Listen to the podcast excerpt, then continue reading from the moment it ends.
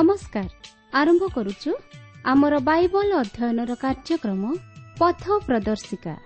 ପବିତ୍ର ବାଇବଲ କହେ ଯଦି ଆମ୍ଭେମାନେ ଆପଣା ଆପଣା ପାପ ସ୍ୱୀକାର କରୁ ତେବେ ସେ ଆମ୍ଭମାନଙ୍କର ପାପ କ୍ଷମା କରିବାକୁ ଓ ସମସ୍ତ ଅଧର୍ମରୁ ଆମ୍ଭମାନଙ୍କୁ ପରିଷ୍କାର କରିବାକୁ ବିଶ୍ୱସ୍ତ ଓ ନ୍ୟାୟବାନ ଅଟନ୍ତି। ଆସନ୍ତୁ ସେହି ଉଦ୍ଧାରକର୍ତ୍ତାଙ୍କର ପରିଚୟ ପାଇବା ନିମନ୍ତେ ଶୁଣିବା ବେତାର କାର୍ଯ୍ୟକ୍ରମ ପଥ ପ୍ରଦର୍ଶିକା।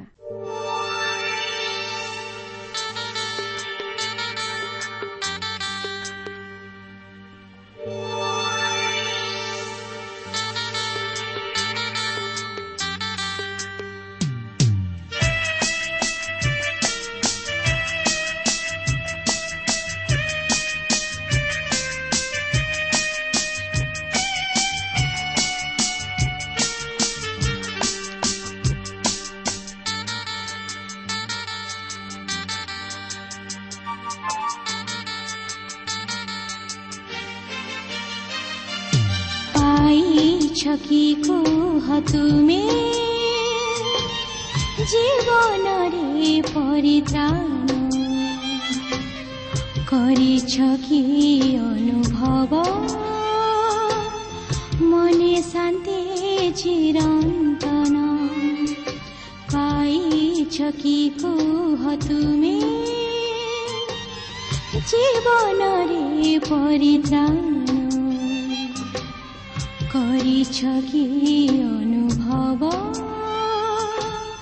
ମନେ ଶାନ୍ତି ଚିରନ୍ତନ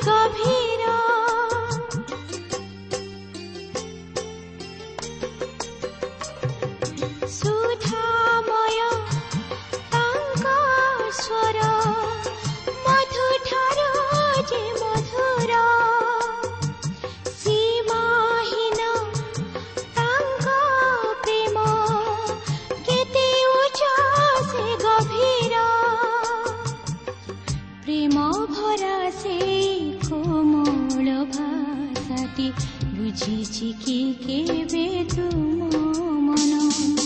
পাইছ কি কুহ তুমি? জীবনরে পরিত্রাণ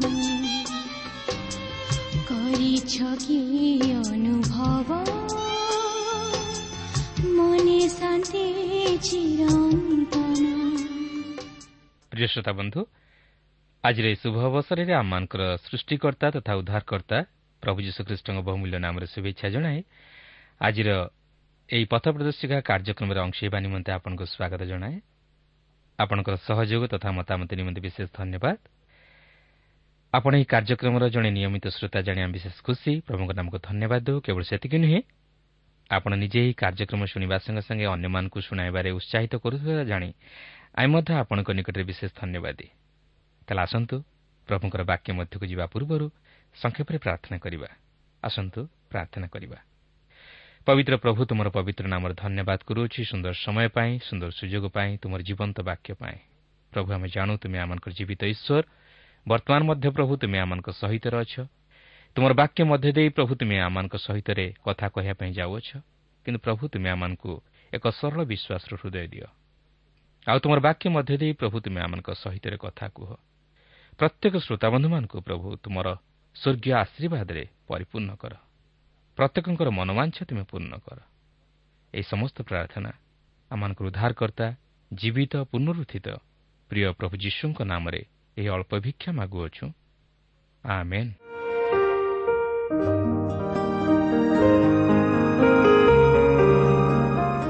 ଆସନ୍ତୁ ବର୍ତ୍ତମାନ ଆମେ ପ୍ରଭୁଙ୍କର ବାକ୍ୟ ମଧ୍ୟକୁ ଯିବା।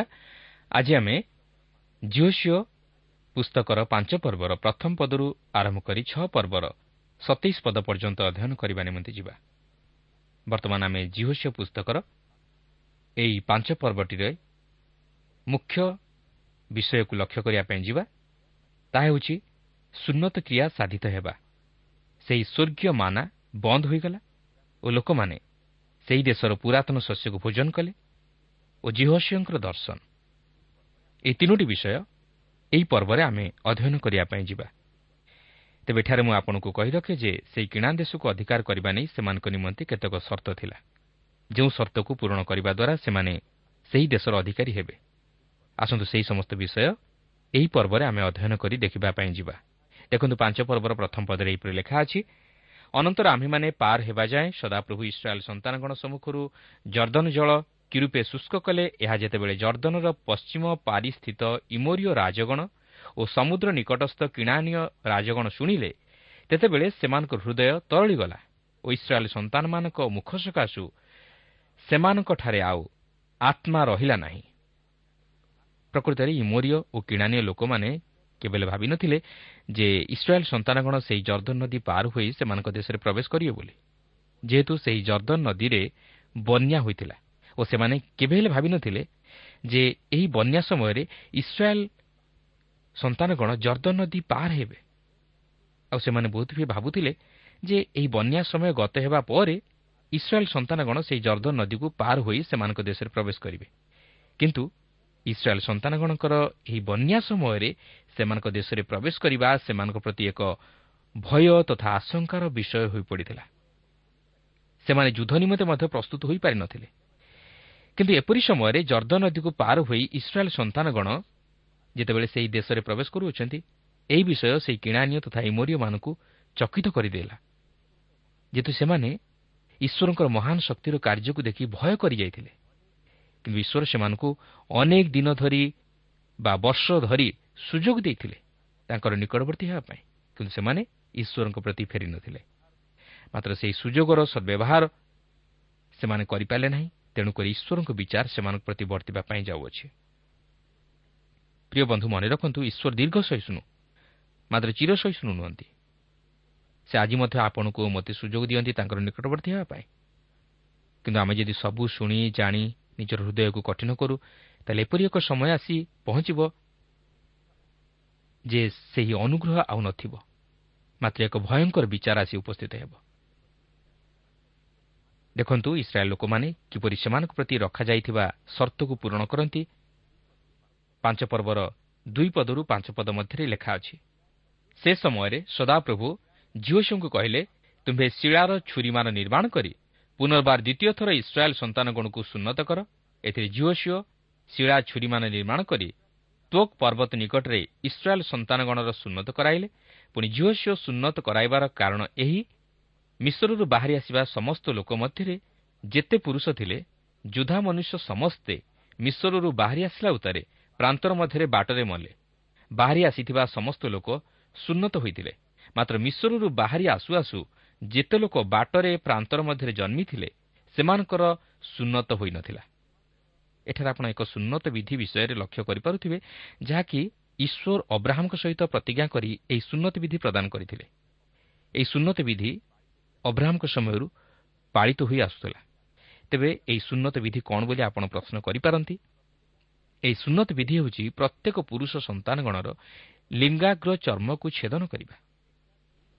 ଈଶ୍ୱର ସେମାନଙ୍କ ପ୍ରତି ଏହି ନିୟମ ପ୍ରଦାନ କରିଥିଲେ ଯେପରି ସେମାନେ ଈଶ୍ୱରଙ୍କ ନିମନ୍ତେ ଏକ ପୃଥକୀକୃତ ଜାତି ହୁଅନ୍ତି ଓ ଈଶ୍ୱରଙ୍କର ପବିତ୍ରତା ରକ୍ଷା କରନ୍ତି। କିନ୍ତୁ ସେମାନେ ପ୍ରାନ୍ତର ମଧ୍ୟରେ ଭ୍ରମଣ କରିବା ସମୟରେ ଏହି ସୁନ୍ନତ ବିଧି ପାଳନ କରିବାରେ ଅବହେଳା କଲେ। ତେଣୁକରି ସେହି ପ୍ରାନ୍ତର ମଧ୍ୟରେ ଯେଉଁମାନେ ଜନ୍ମିଥିଲେ ସେମାନଙ୍କୁ ସୁନ୍ନତ କରାଯାଇ ନଥିଲା। ସେଥି ହେତୁ ଈଶ୍ୱର ପୁନର୍ବାର ସବୁ କହନ୍ତି ତୁମ୍ଭେ ଦ୍ୱିତୀୟବାର ଇସ୍ରାଏଲ୍ ସନ୍ତାନଗଣର ସୁନ୍ନତ କର। କାରଣ ଏହି ବିଧି ପାଳନ କରିବା ଦ୍ୱାରା ସେମାନେ ଯେ ଈଶ୍ୱରଙ୍କ ସହିତ କରିଥିବା ସର୍ତ୍ତକୁ ପୂରଣ କରି ସେହି ଦେଶର ଅଧିକାରୀ ହେବେ ତାହା ଏଥିରୁ ସ୍ପଷ୍ଟ ଜଣାଯାଏ। କାରଣ ଇସ୍ରାଏଲ୍ ସନ୍ତାନଗଣ ଈଶ୍ୱରଙ୍କର ମନୋନୀତ ଜାତି ତଥା ଈଶ୍ୱରଙ୍କ ନିମନ୍ତେ ପୃଥକୀକୃତ ଜାତି ଥିଲେ।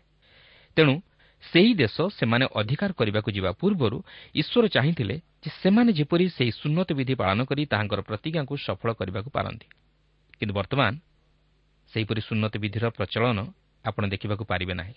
ଯେହେତୁ ଖ୍ରୀଷ୍ଟ ବ୍ୟବସ୍ଥାକୁ ସଫଳ କରି ସେହି ବ୍ୟବସ୍ଥାର ଅଧୀନରୁ ଆମମାନଙ୍କୁ ମୁକ୍ତ କରିଅଛନ୍ତି। ବର୍ତ୍ତମାନ ଶାରୀରିକ ସୁନ୍ନତ ବିଧିର ଆବଶ୍ୟକ ନାହିଁ। ମାତ୍ର ଏକ ଆତ୍ମିକ ସୁନ୍ନତ ବିଧିର ଆବଶ୍ୟକ। ଆଉ ତାହା ହେଉଛି ହୃଦୟର ସୁନ୍ନତ। ସେଥିପାଇଁ କଲସିଓ ଦୁଇ ପର୍ବର ଏଗାର ପଦରେ ଲେଖା ଅଛି ଆହୁରି ମଧ୍ୟ ତୁମେମାନେ ଶାରୀରିକ ସ୍ୱଭାବ ତ୍ୟାଗ କରି ଖ୍ରୀଷ୍ଟଙ୍କ ସହିତ ସଂଯୁକ୍ତ ହୋଇ ଅହସ୍ତକୃତ ସୁନ୍ନତରେ ଅର୍ଥାତ୍ ଖ୍ରୀଷ୍ଟୀୟ ସୁନ୍ନତରେ ସୁନ୍ନତ ପ୍ରାପ୍ତ ହୋଇଅଛ। ତେବେ ଏଠାରେ ଲକ୍ଷ୍ୟ କରିବାର ବିଷୟ ହେଉଛି ଯେ ଜିଓସିଓ ସଦାପ୍ରଭୁଙ୍କର ଆଦେଶ ଅନୁଯାୟୀ ସେମାନଙ୍କୁ ସେହି ଗିଲଗଲରେ ସୁନ୍ନତ କରି ସେହି ସ୍ଥାନର ନାମ ଗିଲଗଲ ରଖିଲେ ଯାହାକି ପାଞ୍ଚ ପର୍ବର ଛଅ ପଦରୁ ନଅ ପଦ ମଧ୍ୟରେ ଉଲ୍ଲେଖ ହୋଇଅଛି। ତେବେ ସେହି ସ୍ଥାନର ନାମ ଗିଲଗଲ ରଖିବାର କାରଣ କ'ଣ ଥିଲା? ଏହି ଗିଲଗଲ ନାମର ଅର୍ଥ ହେଉଛି ଘୁଞ୍ଚିବାର। ତେବେ କ'ଣ ଘୁଞ୍ଚା ଯାଇଥିଲା? ସେମାନଙ୍କଠାରୁ ମିଶ୍ରର ଦୁର୍ନାମ ଘୁଞ୍ଚା ଯାଇଥିଲା ଯାହାକି ନଅ ପଦରେ ଲେଖା ଅଛି।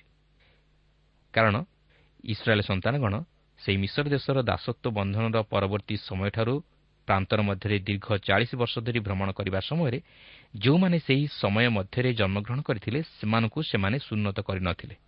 ସେମାନେ ସେହି ସୁନ୍ନତ ବିଧିକୁ ପାଳନ କରିପାରିନଥିଲେ କିନ୍ତୁ ଏଠାରେ ସେମାନେ ସେହି ସୁନ୍ନତ ବିଧି ପାଳନ କରିବା ହେତୁ ଈଶ୍ୱର କହନ୍ତି ଆମେ ତୁମମାନଙ୍କଠାରୁ ମିଶ୍ରର ଦୁର୍ନାମ ଘୁଞ୍ଚାଇଲୁ।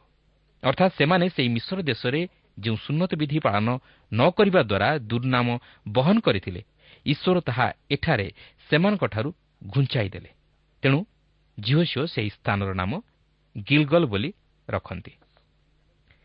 ପ୍ରିୟ ବନ୍ଧୁ ପ୍ରଭୁ ଯୀଶୁ ଚାହାନ୍ତି ଆପଣ ଯେପରି ଆତ୍ମିକ ଭାବରେ ସୁନ୍ନତ ହୋଇ ତାହାଙ୍କ ନିମନ୍ତେ ଏକ ପୃଥକୀକୃତ ଜୀବନଯାପନ କରନ୍ତି ଓ ତାହାଙ୍କର ପବିତ୍ରତା ରକ୍ଷା କରନ୍ତି କିନ୍ତୁ ତାହା କେବଳ ପ୍ରଭୁ ଯୀଶୁ ଦ୍ୱାରା ଆପଣଙ୍କ ଜୀବନରେ ସମ୍ଭବ ହୋଇପାରିବ। ଏହାପରେ ଦଶ ପଦରୁ ବାର ପଦ ମଧ୍ୟରେ ଆମେ ଦେଖୁ ଯେ ସେମାନେ ସୁନ୍ନତ ହୋଇସାରିବା ପରେ ନିସ୍ତାର ପର୍ବର ଭୋଜ ପାଳନ କଲେ ଓ ଏହାପରେ ସେହି ମାନ୍ନା ନିବୃତ୍ତ ହେଲା। ବର୍ତ୍ତମାନ ମୁଁ ଆଉ ସେହି ନିସ୍ତାର ପର୍ବ ବିଷୟ ନେଇ ଆପଣଙ୍କୁ ଅଧିକ କିଛି କହିବାକୁ ଚାହେଁ ନା ମାତ୍ର ସେହି ମାନ୍ନା ବିଷୟ ନେଇ କିଛି କହିବାକୁ ଚାହେଁ। କାରଣ ଏଥିପୂର୍ବରୁ ଆମେ ନିସ୍ତାର ପର୍ବ କ'ଣ ସେହି ବିଷୟ ନେଇ ଆଲୋଚନା କରିସାରିଛୁ କିନ୍ତୁ ଆପଣ ଯଦି ସେହି ଆଲୋଚନାରେ ଭାଗ ନେଇପାରିନାହାନ୍ତି କିମ୍ବା ଏହି ନିସ୍ତାର ପର୍ବ ବିଷୟରେ ଜାଣିନାହାନ୍ତି ତାହେଲେ ଆମ ନିକଟକୁ ପତ୍ର ଦ୍ୱାରା ଲେଖି ଜଣାଇଲେ ଆମେ ତାହା ପତ୍ର ମାଧ୍ୟମରେ ଆପଣଙ୍କୁ ବୁଝାଇ ଦେବା ନିମନ୍ତେ ଚେଷ୍ଟା କରିବୁ। ତେବେ ଏଠାରେ ମୁଁ ଆପଣଙ୍କୁ ସେହି ମାନ୍ନାର ଆତ୍ମିକ ଭାବ ଉପରେ କିଛି ଧାରଣା ଦେବାକୁ ଚାହେଁ। ଏହି ମାନ୍ନା ଯଦିଓ ଏକ ସ୍ୱର୍ଗୀୟ ଆହାର ଥିଲା ବା ଈଶ୍ୱର ସେହି ପ୍ରାନ୍ତର ମଧ୍ୟରେ ଇସ୍ରାଏଲ୍ ସନ୍ତାନଗଣକୁ ସେମାନଙ୍କର ଆହାର ସ୍ୱରୂପେ ଦେଇଥିଲେ ମାତ୍ର ଏହାର ଏକ ଆତ୍ମିକ ତାତ୍ପର୍ଯ୍ୟ ରହିଅଛି। ନୂତନ ନିୟମରେ ଏହି ମାନ୍ନା ଖ୍ରୀଷ୍ଟଙ୍କୁ ପ୍ରକାଶ କରେ। ସେଥିପାଇଁ ଯୀଶୁ ନିଜେ କହନ୍ତି ଯାହାକି ଜୋହନ ଛଅ ପର୍ବର ଅଣଚାଶ ପଦରୁ ଏକାବନ ପଦରେ ଲେଖା ଅଛି ତୁମାନଙ୍କର ପିତୃପୁରୁଷ ପ୍ରାନ୍ତରରେ ମାନ୍ନା ଭୋଜନ କରି ମୃତ୍ୟୁଭୋଗ କଲେ। କେହି ଯେପରି ଭୋଜନ କରି ମୃତ୍ୟୁଭୋଗ ନ କରେ ଏଥି ନିମନ୍ତେ ସ୍ୱର୍ଗରୁ ଅବତରଣ କରିବା ଆହାର ଏହି ଅଟେ। ମୁଁ ସ୍ୱର୍ଗରୁ ଅବତୀର୍ଣ୍ଣ ସେ ଜୀବନ୍ତ ଆହାର। କେହି ଯଦି ଏହି ଆହାର ଭୋଜନ କରେ ସେ ଅନନ୍ତକାଳ ପର୍ଯ୍ୟନ୍ତ ଜୀବିତ ରହିବ। ହଁ ମୁଁ ଯେଉଁ ଆହାର ଦେବି ତାହା ମୋର ମାଂସ। ମୁଁ ତାହା ଜଗତର ଜୀବନ ନିମନ୍ତେ ଦେବି। ତେଣୁକରି ଆପଣ ଦେଖନ୍ତୁ ସେହି ମାନ୍ନା ଖ୍ରୀଷ୍ଟଙ୍କ ମୃତ୍ୟୁରେ ଖ୍ରୀଷ୍ଟଙ୍କୁ ପ୍ରକାଶ କରେ। ସେ ଏହି ଜଗତକୁ ଆସିଲେ ଓ ଅନେକଙ୍କ ନିମନ୍ତେ ଆପଣା ପ୍ରାଣ ଦେଲେ। କିନ୍ତୁ ଏଠାରେ ଲକ୍ଷ୍ୟ କରିବାର ବିଷୟ ହେଉଛି ଇସ୍ରାଏଲ୍ ସନ୍ତାନଗଣ କିଣାନରେ ପ୍ରବେଶ କଲେ। ଆଉ ଏହି ସମୟରେ ସେହି ମାନ୍ନା ବୃଷ୍ଟି ହେବା ବନ୍ଦ ହୋଇଗଲା ଓ ସେମାନେ ସେହି ଦେଶର ପୁରାତନ ବା ପୁରୁଣା ଶସ୍ୟ ଖାଇବାକୁ ଆରମ୍ଭ କଲେ। ଏହା ମଧ୍ୟ ସେମାନଙ୍କ ପ୍ରତି ଏକ ଆଶୀର୍ବାଦଜନକ ଥିଲା ଯେ ସେମାନେ ସେହି ଦେଶର ପୁରାତନ ଶସ୍ୟ ଭୋଜନ କଲେ। ପୁରାତନ ଶସ୍ୟ ଭୋଜନ କରିବା ଏକ ଆଶୀର୍ବାଦର ବିଷୟ। କାରଣ ଏହି ସମୟ ଶସ୍ୟ ଛେଦନର ସମୟ ଥିଲା। ଆଉ ସାଧାରଣତଃ ଶସ୍ୟ ଛେଦନର ସମୟରେ ପୁରାତନ ଶସ୍ୟ ମିଳିବା ସହଜ ବିଷୟ ନୁହେଁ। କିନ୍ତୁ ଆମେ ଦେଖୁଛୁ ଯେ ଇସ୍ରାଏଲ୍ ସନ୍ତାନଗଣ ସେହି କିରାନ ଦେଶରେ ପ୍ରବେଶ କରୁ କରୁ ସେହି ଦେଶର ପୁରାତନ ଶସ୍ୟ ଭୋଜନ କରିବାକୁ ଲାଗିଲେ ଓ ସେହି ବର୍ଷ ସେମାନେ କିରାନ ଦେଶର ଫଳ ଭୋଜନ କଲେ। ପ୍ରିୟ ବନ୍ଧୁ ବାସ୍ତବରେ ଯେଉଁମାନେ ଈଶ୍ୱରଙ୍କ ଆଜ୍ଞା ଅନୁଯାୟୀ କାର୍ଯ୍ୟ କରନ୍ତି ଓ ଈଶ୍ୱରଙ୍କର ବାଧ୍ୟ ହୁଅନ୍ତି ଈଶ୍ୱର ସେମାନଙ୍କୁ ସମସ୍ତ ଆଶୀର୍ବାଦରେ ପରିପୂର୍ଣ୍ଣ କରି ରଖନ୍ତି। ସେମାନେ ଶାରୀରିକ ଓ ଆତ୍ମିକ ଉଭୟ ଆଶୀର୍ବାଦରେ ଭରପୁର ହୋଇ ରୁହନ୍ତି। କିନ୍ତୁ ଆଜି ଆପଣ ଦେଖନ୍ତୁ ଦେଶରେ ଖାଦ୍ୟର ଅଭାବ। ଲୋକମାନେ ପେଟ ପୁରା ଆହାର ପାଆନ୍ତି ନାହିଁ। ଖାଦ୍ୟ ପଦାର୍ଥର ନାହିଁ ନଥିବା ଦରଦାମ। ଏସବୁ କାହିଁକି ଘଟୁଅଛି ବୋଲି କେବେ ନିଜକୁ ପ୍ରଶ୍ନ କରିଛନ୍ତି? ଏହିସବୁ ଆମମାନଙ୍କର ପାପ ନିମନ୍ତେ ଘଟୁଅଛି। ଆଜି ଏହି ଜଗତରେ ଅନ୍ୟାୟ ଅଧର୍ମ ଏତେ ଅଧିକ ମାତ୍ରାରେ ବଢ଼ି ଚାଲିଛି ଯେ ଯାହାକି କଳନା ମଧ୍ୟ କରାଯାଇ ନପାରେ ତାହେଲେ ଈଶ୍ୱରଙ୍କର ଆଶୀର୍ବାଦ ବର୍ତ୍ତିବ କେଉଁଠୁ? କେବଳ ସେତିକି ନୁହେଁ ମଣିଷ ଆଜି ପ୍ରଭୁଙ୍କୁ ଭୁଲିଯିବାରୁ ସେହି ଆତ୍ମିକ ଆଶୀର୍ବାଦରୁ ମଧ୍ୟ ବଞ୍ଚିତ। ତେଣୁ ଆସୁ ଆଉ ପାପରେ ନିଜର ଜୀବନକୁ ଅତିବାହିତ ନ କରି ସେହି ପ୍ରଭୁ ଯୀଶୁ ଖ୍ରୀଷ୍ଟଙ୍କଠାରେ ତାହା ସ୍ୱୀକାର କରି ପାପରୁ ଉଦ୍ଧାର ପାଇ ସେହି ଆତ୍ମିକ ଆଶୀର୍ବାଦର ଅଧିକାରୀ ହେଉ। କିନ୍ତୁ ପାପରେ ଲିପ୍ତ ରହି ନିଜର ଜୀବନ ପ୍ରତି ବିନାଶ ନ ଘଟାଉ। ଏହାପରେ ପାଞ୍ଚ ପର୍ବର ତେର ପଦରୁ ପନ୍ଦର ପଦ ମଧ୍ୟରେ ଲେଖା ଅଛି ଯେ ଝିଅଶିଅ ସଦାପ୍ରଭୁଙ୍କ ସୈନ୍ୟର ସେନାପତିଙ୍କର ଦର୍ଶନ ଲାଭ କରୁଅଛନ୍ତି। କିନ୍ତୁ ଆପଣ ଲକ୍ଷ୍ୟ କରିବେ ଯେ ମୂଷାଙ୍କ ଘଟଣା ଓ ଝିଅଶିଙ୍କ ଘଟଣା ମଧ୍ୟରେ ଅନେକ ସାମଞ୍ଜସ୍ୟତା ପରିଲକ୍ଷିତ ହୁଏ। ସଦାପ୍ରଭୁ ଯେତେବେଳେ ମୂଷାଙ୍କୁ ସେହି ମିଡିୟନ ଅଞ୍ଚଳରେ ସେହି ବୁଦାର ମଧ୍ୟରେ ଦର୍ଶନ ଦେଉଅଛନ୍ତି ସେତେବେଳେ ସେ କହନ୍ତି ମୂଷା ତୁମ୍ଭେ ଏ ସ୍ଥାନର ନିକଟବର୍ତ୍ତୀ ହୁଅ ନାହିଁ। ତୁମ ପାଦରୁ ପାଦୁକା କାଢ଼। କାରଣ ତୁମେ ଯେଉଁ ସ୍ଥାନରେ ଛିଡ଼ା ହେଉଅଛ ତାହା ପବିତ୍ର ଭୂମି। ଆଉ ଏଠାରେ ମଧ୍ୟ ଆପଣ ଝିଅଶଙ୍କ ଘଟଣାରେ ଦେଖିବେ ଯେ ଠିକ୍ ସେହିପରି ସଦାପ୍ରଭୁଙ୍କ ସୈନ୍ୟର ସେନାପତି ଝିଅଶଙ୍କୁ କହନ୍ତି ଝିଅଶିଅ ତୁମ୍ଭ ପାଦରୁ ପାଦୁକା କାଢ଼ କାରଣ ଯେଉଁ ସ୍ଥାନରେ ତୁମେ ଠିଆ ହେଉଅଛ ତାହା ପବିତ୍ର ବାସ୍ତବରେ ଏହା ଥିଲା ଝିଅଶଙ୍କ ପ୍ରତି ଏକ ମହାନ ଶିକ୍ଷା। ଈଶ୍ୱର ଏଠାରେ ଝିଅଶିଅଙ୍କୁ ଜଣାଇ ଦେବାକୁ ଚାହାନ୍ତି ଯେ ଝିଅଶିଅ ତୁମେ ଯେ ଇସ୍ରାଏଲ୍ ସନ୍ତାନଗଣର ନେତା ସ୍ୱରୂପେ ସେମାନଙ୍କୁ କଢ଼ାଇ ନେବା ପାଇଁ ଯାଉଅଛ ତାହା ନୁହେଁ। ମାତ୍ର ମୁଁ ସେମାନଙ୍କୁ କଢ଼ାଇ ନେବା ପାଇଁ ଯାଉଅଛି। ତେଣୁ ତୁମେ ମୋର ଅଧୀନରେ ପରିଚାଳିତ ହେବାକୁ ଯାଉଅଛ। ଓ ମୁଁ ତୁମକୁ ଯାହା କହିବି ମୋର ଆଦେଶ ଅନୁସାରେ ତୁମ୍ଭେ କାର୍ଯ୍ୟ କରିବାକୁ ହେବ। ଆଉ ବାସ୍ତବରେ ଝିଅଶିଅ ଯିଏ ଇସ୍ରାଏଲ୍ ସନ୍ତାନଗଡ଼ର ନେତୃତ୍ୱ ନେବାକୁ ଯାଇଥିଲେ ତାହା ନୁହେଁ। ମାତ୍ର ଈଶ୍ୱର ପ୍ରକୃତିରେ ସେମାନଙ୍କର ନେତା ହିସାବରେ ରହିଥିଲେ ଓ ସେ ଝିଅଶିଅଙ୍କୁ ସେମାନଙ୍କର ନେତା ହିସାବରେ ମନୋନୀତ କରି ତାହାଙ୍କ ଦ୍ୱାରା ଇସ୍ରାଏଲ୍ ସନ୍ତାନଗଣକୁ ନିୟନ୍ତ୍ରଣ କରୁଥିଲେ ଓ ଝିଅଶିଅ ସଦାପ୍ରଭୁଙ୍କର ଆଦେଶ ଅନୁଯାୟୀ କାର୍ଯ୍ୟ କରୁଥିଲେ।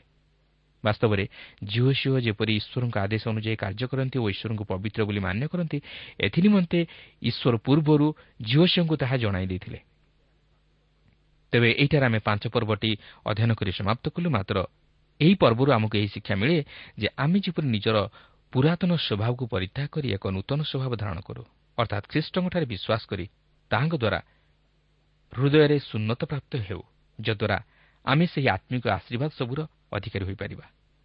ଈଶ୍ୱର ଆଜି ଆମ ପ୍ରତ୍ୟେକଙ୍କ ଜୀବନରୁ ତାହା ଆଶା କରନ୍ତି।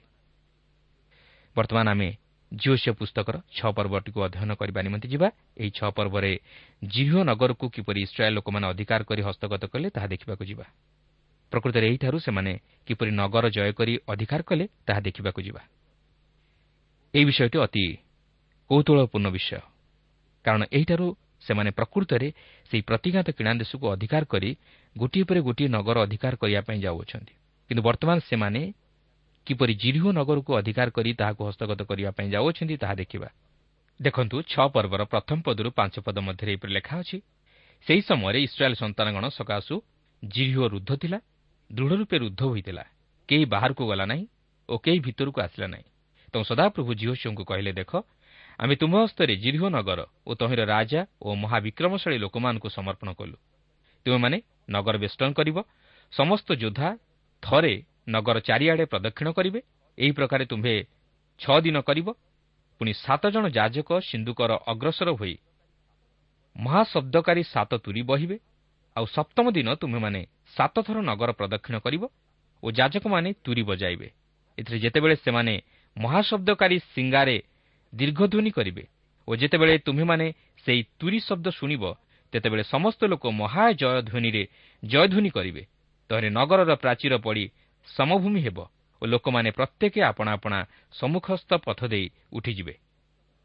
ଲକ୍ଷ୍ୟ କରନ୍ତୁ ସେହି ଜିରିହ ନଗରକୁ କିପରି ଅଧିକାର କରି ହସ୍ତଗତ କରିବାକୁ ହେବ ତାହା ଈଶ୍ୱର ଏଠାରେ ଜିହୋସିଓଙ୍କୁ କହୁଅଛନ୍ତି। ଓ ଆପଣ ଏହାପରେ ଦେଖିବେ ଯେ ଜିହୋସିଓ ମଧ୍ୟ ଈଶ୍ୱରଙ୍କର କହିବା ଅନୁଯାୟୀ ସେହି ଜିରିହ ନଗରକୁ ଅଧିକାର କରିବା ପାଇଁ ଯାଉଅଛନ୍ତି।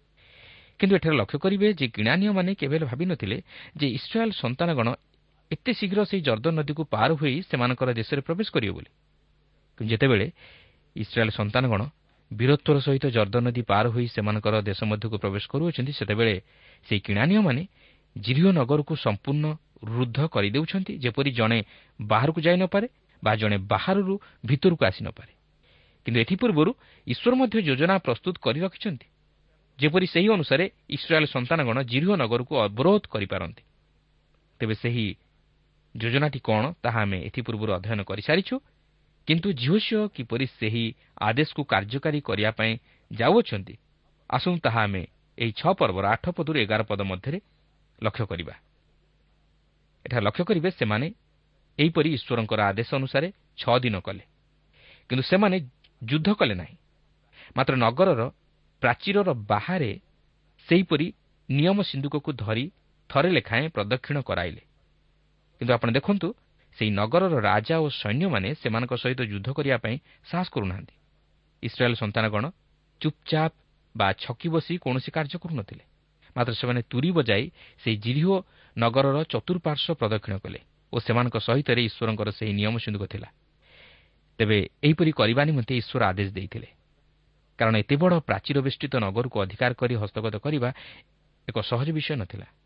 ତାଛଡ଼ା ସେହି ନଗରର ମଧ୍ୟ ରାଜା ଓ ସୈନ୍ୟ ସାମନ୍ତ ଥିଲେ ଓ ସେମାନେ ନଗରକୁ ଦୃଢ଼ ରୂପେ ରୁଦ୍ଧ କରି ରଖିଥିଲେ। କିନ୍ତୁ ଏଠାରେ ଲକ୍ଷ୍ୟ କରିବାର ବିଷୟ ହେଉଛି ଯେ ଇସ୍ରାଏଲ୍ର ଯୋଦ୍ଧାମାନେ ଛଅ ଦିନ ଏହିପରି ଭାବେ ନଗର ପ୍ରଦକ୍ଷିଣ କରିଥିଲେ। କିନ୍ତୁ ଛଅ ଦିନ ମଧ୍ୟରେ ସେମାନେ ସେହି ନଗରକୁ ଅଧିକାର କରିପାରିନଥିଲେ ମୁଁ ଭାବୁଛି ଯେତେବେଳେ ଇସ୍ରାଏଲ୍ର ଯୋଦ୍ଧାମାନେ ଏହିପରି ଛଅ ଦିନ କରିବା ପରେ ସେମାନେ ନଗରଟିକୁ ଅଧିକାର କରିପାରି ନଥିବେ ସେତେବେଳେ କିଣାନୀୟମାନେ ଟିକିଏ ନିଶ୍ୱାସ ମାରିଥିବେ ଓ ଭାବୁଥିବେ ଯେ ସେମାନଙ୍କର କିଛି କ୍ଷତି ହେବ ନାହିଁ ଓ ସେମାନେ ବୋଧହୁଏ ଟିକେ ଢିଲା ହୋଇଯାଇଥିବେ ଓ ନିଶ୍ଚିନ୍ତରେ ରହିଯାଇଥିବେ। କିନ୍ତୁ ଦେଖନ୍ତୁ ସପ୍ତମ ଦିନ ସେମାନଙ୍କ ପ୍ରତି କ'ଣ ଘଟିବା ପାଇଁ ଯାଉଅଛି। ପନ୍ଦରରୁ ଷୋହଳ ପଦରେ ଲେଖା ଅଛି ଯେ ସପ୍ତମ ଦିନ ପ୍ରଭାତରେ ଅରୁଣୋଦୟ ସମୟରେ ସେମାନେ ଉଠି ସେହି ରୂପେ ସାତଥର ନଗର ପ୍ରଦକ୍ଷିଣ କଲେ କେବଳ ସେହିଦିନ ସେମାନେ ସାତଥର ନଗର ପ୍ରଦକ୍ଷିଣ କଲେ। ପୁଣି ଯାଜକମାନେ ସପ୍ତମ ଥର ତୁରି ବଜାଇବା ବେଳେ ଝିଅ ଝିଅ ଲୋକମାନଙ୍କୁ କହିଲେ ଜୟଧ୍ୱନି କର। କାରଣ ସଦାପ୍ରଭୁ ତୁମାନଙ୍କୁ ଏ ନଗର ଦେଲେ। ଏହାପରେ କୋଡ଼ିଏ ଓ ଏକୋଇଶ ପଦରେ ଲେଖା ଅଛି ଏରୂପେ ଲୋକମାନେ ଜୟଧ୍ୱନି କଲେ ଓ ଯାଜକମାନେ ତୁରି ବଜାଇଲେ। ପୁଣି ଲୋକମାନେ ଜୟଧ୍ୱନି ଶୁଣି ମହାଜୟଧ୍ୱନିରେ ଜୟଧ୍ୱନି କରନ୍ତେ ପ୍ରାଚୀର ପଡ଼ି ସମଭୂମି ହେଲା। ତେଣୁ ଲୋକମାନେ ପ୍ରତ୍ୟେକ ଆପଣା ଆପଣା ସମ୍ମୁଖସ୍ଥ ପଥ ଦେଇ ନଗରକୁ ଉଠିଗଲେ ଓ ନଗର ହସ୍ତଗତ କଲେ। ପୁଣି ସେମାନେ ପୁରୁଷ ଓ ସ୍ତ୍ରୀ ଯୁବା ଓ ବୃଦ୍ଧ ପୁଣି ଗୋରୁ ଓ ମେଷ ଓ ଗର୍ଦ୍ଧବ ଆଦି ଯାହା ଯାହା ନଗରରେ ଥିଲା ସେସବୁକୁ ଖଡ଼ଗ ମୁଖରେ ବର୍ଜିତ ରୂପେ ବିନାଶ କଲେ। ଦେଖନ୍ତୁ ଜିରିଓର ଅବସ୍ଥା କ'ଣ ହେଲା? ସେମାନଙ୍କ ନଗରର ପ୍ରାଚୀର ଭାଙ୍ଗି ସମଭୂମିରେ ପରିଣତ ହୋଇଗଲା ଓ ଇସ୍ରାଏଲ୍ର ଯୋଦ୍ଧାମାନେ ସେମାନଙ୍କୁ ବର୍ଜିତ ରୂପେ ବିନାଶ କଲେ। ତେବେ ଏହା କିପରି ସମ୍ଭବ ହେଲା? କ'ଣ ଇସ୍ରାଏଲ୍ର ଯୋଦ୍ଧାମାନଙ୍କ ହେତୁ? ନା ସେମାନେ ଯୁଦ୍ଧ କରିବା ହେତୁ? ପ୍ରକୃତରେ ଇସ୍ରାଏଲ୍ ସେମାନଙ୍କ ସହ ଯୁଦ୍ଧ କରିନଥିଲେ ମାତ୍ର ସେମାନେ କେବଳ ସେହି ନଗରକୁ ପ୍ରଦକ୍ଷିଣ କରିଥିଲେ। ତାହେଲେ କ'ଣ ଜିଓସିଓ ଯୁଦ୍ଧ କରିଥିଲେ? କେବେ ନୁହେଁ। ସେ ମଧ୍ୟ ଯୁଦ୍ଧ କରିନଥିଲେ ମାତ୍ର ଈଶ୍ୱର ଯୁଦ୍ଧ କରିଥିଲେ। ଏହା ଥିଲା ଈଶ୍ୱରଙ୍କ ଆଶ୍ଚର୍ଯ୍ୟ ଶକ୍ତିର କାର୍ଯ୍ୟ। କିନ୍ତୁ ଏହା ସେମାନଙ୍କର ବିଶ୍ୱାସ ନେଇ ସମ୍ଭବପର ହୋଇଥିଲା। ଜିଓସିଓ ଓ ଇସ୍ରାଏଲ୍ର ଯୋଦ୍ଧାମାନେ ଈଶ୍ୱରଙ୍କର ଆଦେଶ ଅନୁଯାୟୀ ବିଶ୍ୱାସର ସହିତ ଅଗ୍ରସର ହୋଇଥିଲେ ତାହା ନ ହୋଇଥିଲେ ସେମାନେ ଛଅ ଦିନ ଏହିପରି ଲଗାତାର ନଗର ପ୍ରଦକ୍ଷିଣ କରିନଥାନ୍ତେ କିନ୍ତୁ ସେମାନଙ୍କର ବିଶ୍ୱାସ ଥିଲା ଯେ ଈଶ୍ୱର ସେମାନଙ୍କୁ ଜୟ ପ୍ରଦାନ କରୁଅଛନ୍ତି। ତେଣୁ ଏବ୍ରି ଏଗାର ପର୍ବର ତିରିଶ ପଦରେ ଲେଖା ଅଛି ବିଶ୍ୱାସ ଦ୍ୱାରା ଜିରିହ ପ୍ରାଚୀର ସାତ ଦିନ ପର୍ଯ୍ୟନ୍ତ ପ୍ରଦକ୍ଷିଣ ହେଲା ଉତ୍ତାରେ ଭୂମିସାତ ହେଲା। ବାସ୍ତବରେ ବିଶ୍ୱାସ ଦ୍ୱାରା ସେମାନେ ଜିରିହ ନଗରକୁ ଜୟ କରି ତାହା ଅଧିକାର କଲେ। ବାସ୍ତବରେ ଦେଖିବାକୁ ଗଲେ ଈଶ୍ୱର ବିଜୟ ଲାଭ କଲେ ମାତ୍ର ଇସ୍ରାଏଲ୍ ଜିରିହ ନଗରକୁ ଅଧିକାର କଲେ ପ୍ରିୟ ବନ୍ଧୁ ଯଦି ଏହାକୁ ଆମେ ଆତ୍ମିକ ଦୃଷ୍ଟିକୋଣରୁ ନେଇ ଚିନ୍ତା କରିବା ତାହେଲେ ଜାଣିପାରିବା ଯେ ଏହି ଜିରିହ ବର୍ତ୍ତମାନର ଜଗତକୁ ଉପସ୍ଥାପିତ କରେ ଆଉ ଏହି ଜଗତକୁ ଜୟ କରିବାକୁ ହେଲେ ଆମକୁ ବିଶ୍ୱାସ ଆବଶ୍ୟକ ଓ ଈଶ୍ୱରଙ୍କର ଶକ୍ତି ଆବଶ୍ୟକ। ଆମେ ନିଜ ବଳରେ ବା ଶକ୍ତିରେ ବା ନିଜର ଧର୍ମକର୍ମ ଦ୍ୱାରା ଏହି ଜଗତକୁ ଜୟ କରିପାରିବା ନାହିଁ। ଏହି ଜଗତକୁ ଜୟ କରିବାକୁ ହେଲେ ଆମକୁ ଜଣଙ୍କର ସହାୟତା ଆବଶ୍ୟକ ସେ ହେଲେ ପ୍ରଭୁ ଯୀଶୁଖ୍ରୀଷ୍ଟ। କାରଣ ସେ ଏହି ଜଗତକୁ ଜୟ କରିଅଛନ୍ତି। ସେଥିପାଇଁ ସେ କହନ୍ତି ଜଗତରେ ତୁମାନଙ୍କ ନିମନ୍ତେ କ୍ଲେଶ ଅଛି କିନ୍ତୁ ସାହସ ଧର ମୁଁ ଜଗତକୁ ଜୟ କରିଅଛି। ସେହି ପ୍ରଭୁ ଯୀଶୁଖ୍ରୀଷ୍ଟଙ୍କଠାରେ ବିଶ୍ୱାସ କରି ତାହାଙ୍କର ଆଜ୍ଞା ଅନୁଯାୟୀ ଜୀବନଯାପନ କରିବା ଦ୍ୱାରା ଆମେ ଜଗତର ସମସ୍ତ ପରୀକ୍ଷା ଓ ପ୍ରଲୋଭନ ଉପରେ ଜୟଯୁକ୍ତ ଜୀବନ କାଟିବା ନିମନ୍ତେ ସମର୍ଥ ହୋଇପାରିବା। ତାହା ନହେଲେ ଆମେ କେବେ ହେଲେ ସମର୍ଥ ହୋଇପାରିବା ନାହିଁ। ତେବେ ଏଠାରେ ବର୍ତ୍ତମାନ ଲକ୍ଷ୍ୟ କରିବାର ବିଷୟ ହେଉଛି ଯେ ସେମାନେ ଜିରିଓ ନଗରକୁ ବର୍ଜିତ ରୂପେ ବିନାଶ କଲେ ତାହେଲେ ରାହାବ ବେଶିଆ ଗଲା କୁଆଡ଼େ? ସେ କ'ଣ ସେହି ଯୁଦ୍ଧରେ ବିନଷ୍ଟ ହୋଇଗଲା କି? ଝିଅସିଓ କ'ଣ ତାହାର କଥା ଭୁଲିଗଲେ କି? ନୁହେଁ। ଝିଅସିଓ ରାହାବକୁ ଭୁଲି ନଥିଲେ। ସେ ରାହାବକୁ ଓ ତାହାର ପରିବାର ବର୍ଗଙ୍କୁ ଉଦ୍ଧାର କରିଥିଲେ। କାରଣ ସେ ସେହି ଦୁଇ ଜଣ ଗୁପ୍ତଚରଙ୍କୁ ରକ୍ଷା କରି ତାହାର ଗୃହରେ ସ୍ଥାନ ଦେଇଥିବାରୁ ସେ ତାହାର ବିଶ୍ୱାସ ଲାଗି ଅନ୍ୟମାନଙ୍କ ସହିତ ବିନଷ୍ଟ ହୋଇନଥିଲା। ଯାହାକି ଛଅ ପର୍ବର ବାଇଶ ତେଇଶ ଓ ପଚିଶ ପଦରେ ଆମେ ଲକ୍ଷ୍ୟ କରିବାକୁ ପାରୁ। ଲକ୍ଷ୍ୟ କରିବେ ସେମାନେ ସେହି ରାହବ ବେଶିଆ ନିକଟରେ ଯେଉଁ ପ୍ରତିଜ୍ଞା କରିଥିଲେ ତାହା ଏହିପରି ଭାବରେ ସଫଳ କରିଥିଲେ। ସେମାନେ ରାହବ ବେଶିଆକୁ ଭୁଲି ଯାଇନଥିଲେ ମାତ୍ର ତାହାକୁ ଉଦ୍ଧାର କରିଥିଲେ। କେବଳ ତାହାକୁ ନୁହେଁ ତାହାର ସମସ୍ତ ପରିବାରବର୍ଗଙ୍କୁ ମଧ୍ୟ ଉଦ୍ଧାର କରିଥିଲେ। କ'ଣ ପାଇଁ? ଯେହେତୁ ସେ ତାହାର ବିଶ୍ୱାସ ନେଇ ସେହି ବିଶ୍ୱାସକୁ କାର୍ଯ୍ୟକାରୀ କରିଥିବା ହେତୁ ବିନଷ୍ଟ ହୋଇନଥିଲା ମାତ୍ର ଉଦ୍ଧାର ପାଇଥିଲା। ବାସ୍ତବରେ ପ୍ରିୟ ବନ୍ଧୁ ଇସ୍ରାଏଲ୍ ତାହାର ବିଶ୍ୱାସ ନେଇ ଜିରିଓନଗର ଉପରେ ଜୟଲାଭ କଲା ଓ ରାହାବ ତାହାର ବିଶ୍ୱାସ ନେଇ ମଧ୍ୟ ବିନଷ୍ଟ ନ ହୋଇ ରକ୍ଷା ପାଇଲା। କିନ୍ତୁ ଆଜି ଆମେ କ'ଣ ସେହିପରି ବିଶ୍ୱାସ କରୁ କି? ପ୍ରଭୁ ଯୀଶୁଙ୍କଠାରେ କ'ଣ ଆମର ସେହିପରି ଦୃଢ଼ ବିଶ୍ୱାସ ଅଛି କି? ଏହାପରେ ଆପଣ ଲକ୍ଷ୍ୟ କରନ୍ତୁ ଯେ ଜିଓ ସିଓ କହନ୍ତି ଯେ ଯେଉଁ ଲୋକ ସେହି ଜିରିଓ ନଗରକୁ ପୁନର୍ନିର୍ମାଣ କରେ ତାହେଲେ ତାହା ଉପରେ ଅଭିଶାପ ବର୍ତ୍ତିବ। ଛଅ ପର୍ବ ଛବିଶ ପଦରେ ଲେଖା ଅଛି ସେ ସମୟରେ ଜିଓ ସିଓ ସେମାନଙ୍କୁ ଶପଥ କରାଇ କହିଲେ ଯେ କେହି ଉଠି ପୁନର୍ବାର ଏହି ଜିରିଓ ନଗର ନିର୍ମାଣ କରେ ସେ ସଦାପ୍ରଭୁଙ୍କ ସାକ୍ଷାତରେ ସାପଗ୍ରସ୍ତ ହେଉ। ସେ ଆପଣା ଜ୍ୟେଷ୍ଠ ପୁତ୍ରର ମୃତ୍ୟୁ ସହିତ ତହିଁର ଭିତ୍ତିମୂଳ ସ୍ଥାପନ କରିବ ଓ ଆପଣା କନିଷ୍ଠ ପୁତ୍ରର ମୃତ୍ୟୁ ସହିତ ତହିଁର ଦ୍ୱାରମାନ ସ୍ଥାପନ କରିବ। ଏଠାରେ ଆପଣ ଦେଖନ୍ତୁ ଜିଓ ସିଓ ଅଭିଶାପ ଦେଇ ଏହିପରି କହନ୍ତି ଓ ତାହା ମଧ୍ୟ ପ୍ରକୃତିରେ ସଫଳ ହୋଇଥିଲା। ଆମେ ଯେତେବେଳେ ପ୍ରଥମ ରାଜାବଳୀ ପୁସ୍ତକ ତହିଁର ଷୋହଳ ପର୍ବଟିକୁ ପାଠ କରିବା ସେତେବେଳେ ତାହା ଜାଣିପାରିବା ଯେ ଏହି ଜିରିଓ ନଗର ପୁନର୍ନିର୍ମିତ ହୋଇଥିଲା ଓ ଯେଉଁ ବ୍ୟକ୍ତି ସେହି ନଗରକୁ ପୁନର୍ନିର୍ମାଣ କରିଥିଲା ତାହା ପ୍ରତି ସେହି ଅଭିଶାପ ବର୍ତ୍ତିଥିଲା। ତେବେ ଏହି ପର୍ବରେ ଆମକୁ ଏହି ଶିକ୍ଷା ମିଳେ ଯେ ଆମେ ଯେପରି ପ୍ରଭୁ ଯୀଶୁଖ୍ରୀଷ୍ଟଙ୍କଠାରେ ବିଶ୍ୱାସ କରି ଓ ତାହାଙ୍କୁ ନିଜ ହୃଦୟରେ ଗ୍ରହଣ କରି ତାହାଙ୍କ ଶକ୍ତିରେ ଶକ୍ତିଯୁକ୍ତ ହେଉ ଓ ଏହି ଜଗତରେ ଏକ ଜୟଯୁକ୍ତ ଜୀବନଯାପନ କରିବାକୁ ଚେଷ୍ଟା କରୁ। କିନ୍ତୁ ଏଥିନିମନ୍ତେ ଆମର ସେହିପରି ଦୃଢ଼ ବିଶ୍ୱାସ ରହିବା ଆବଶ୍ୟକ। କାରଣ ଯଦି ରାହବ ବେଶିଆ ତାହାର ବିଶ୍ୱାସ ଦ୍ୱାରା ବିନଷ୍ଟ ନ ହୋଇ ଉଦ୍ଧାର ପାଇଲା ଓ ଇସ୍ରାଏଲ୍ ସନ୍ତାନଗଣ ବିଶ୍ୱାସ ଦ୍ୱାରା ଜିରିହ ନଗରକୁ ଜୟ କଲେ ତାହେଲେ ଆମେ କ'ଣ ବିଶ୍ୱାସ କରିବା ଦ୍ୱାରା ନିଜର ପାପରୁ ଉଦ୍ଧାର ପାଇବା ନାହିଁ କି? ଆମେ କ'ଣ ଶୈତାନ ଉପରେ ଜୟଯୁକ୍ତ ଜୀବନଯାପନ କରିପାରିବା ନାହିଁ କି? ହଁ ନିଶ୍ଚୟ। କିନ୍ତୁ ସେଥିନିମନ୍ତେ ଆମମାନଙ୍କର ମୁଖ୍ୟ ବିଷୟ ହେଉଛି ବିଶ୍ୱାସ କରିବା। ପ୍ରଭା ପ୍ରତ୍ୟେକଙ୍କୁ ଆଶୀର୍ବାଦ କରନ୍ତୁ।